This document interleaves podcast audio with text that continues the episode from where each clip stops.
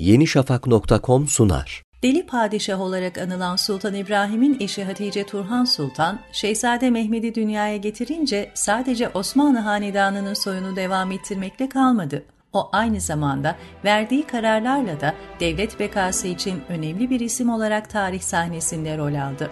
Hükümdar otoritesinin bulunmadığı bir dönemde Valide Sultan'ın devlet yönetimini ele alması Osmanlı İmparatorluğunu otorite boşluğundan bir ölçüde kurtardı. Hanedanın devamını her şeyin üzerinde tuttu.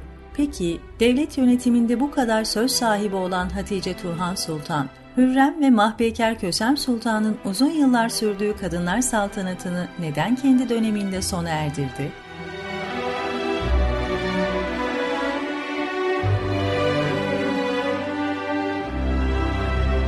Kadın saltanatı denildiğinde aklımıza sadece iki isim gelir. Hürrem ve Kösem Sultanlar.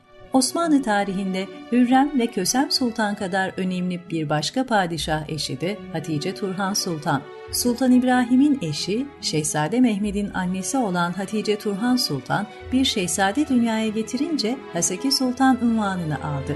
Fakat Haseki Sultanlık dönemi parlak geçmedi. Oğlu 4. Mehmet'in tahta çıkışıyla valide sultan oldu. Kendisi Osmanlı tarihinin en uzun süre valide sultanlık yapan kişi. Sarayın resmi olarak en güçlü kadını olmasına rağmen kayınvalidesi Mahpeker Kösem Sultan'ın gölgesi altında yaşadı.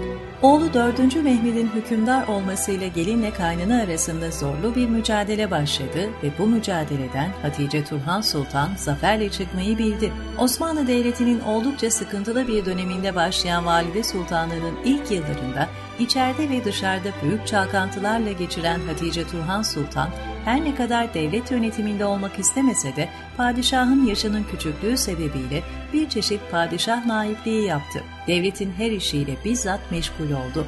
Önde gelen idarecilere yazılı emirler göndererek onlara akıl verdi. Gerektiğinde de hesap dahi sordu.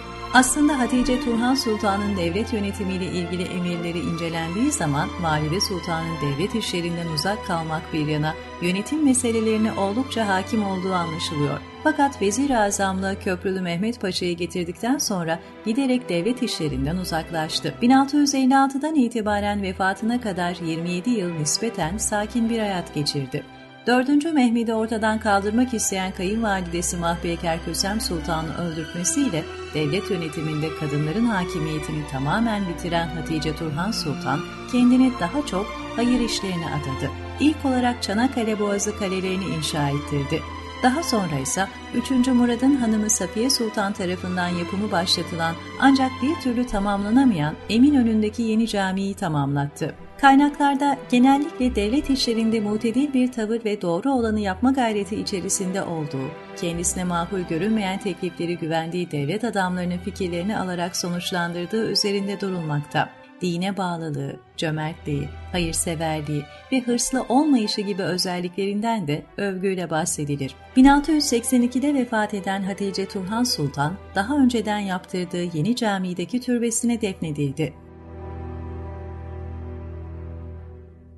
yenişafak.com sundu.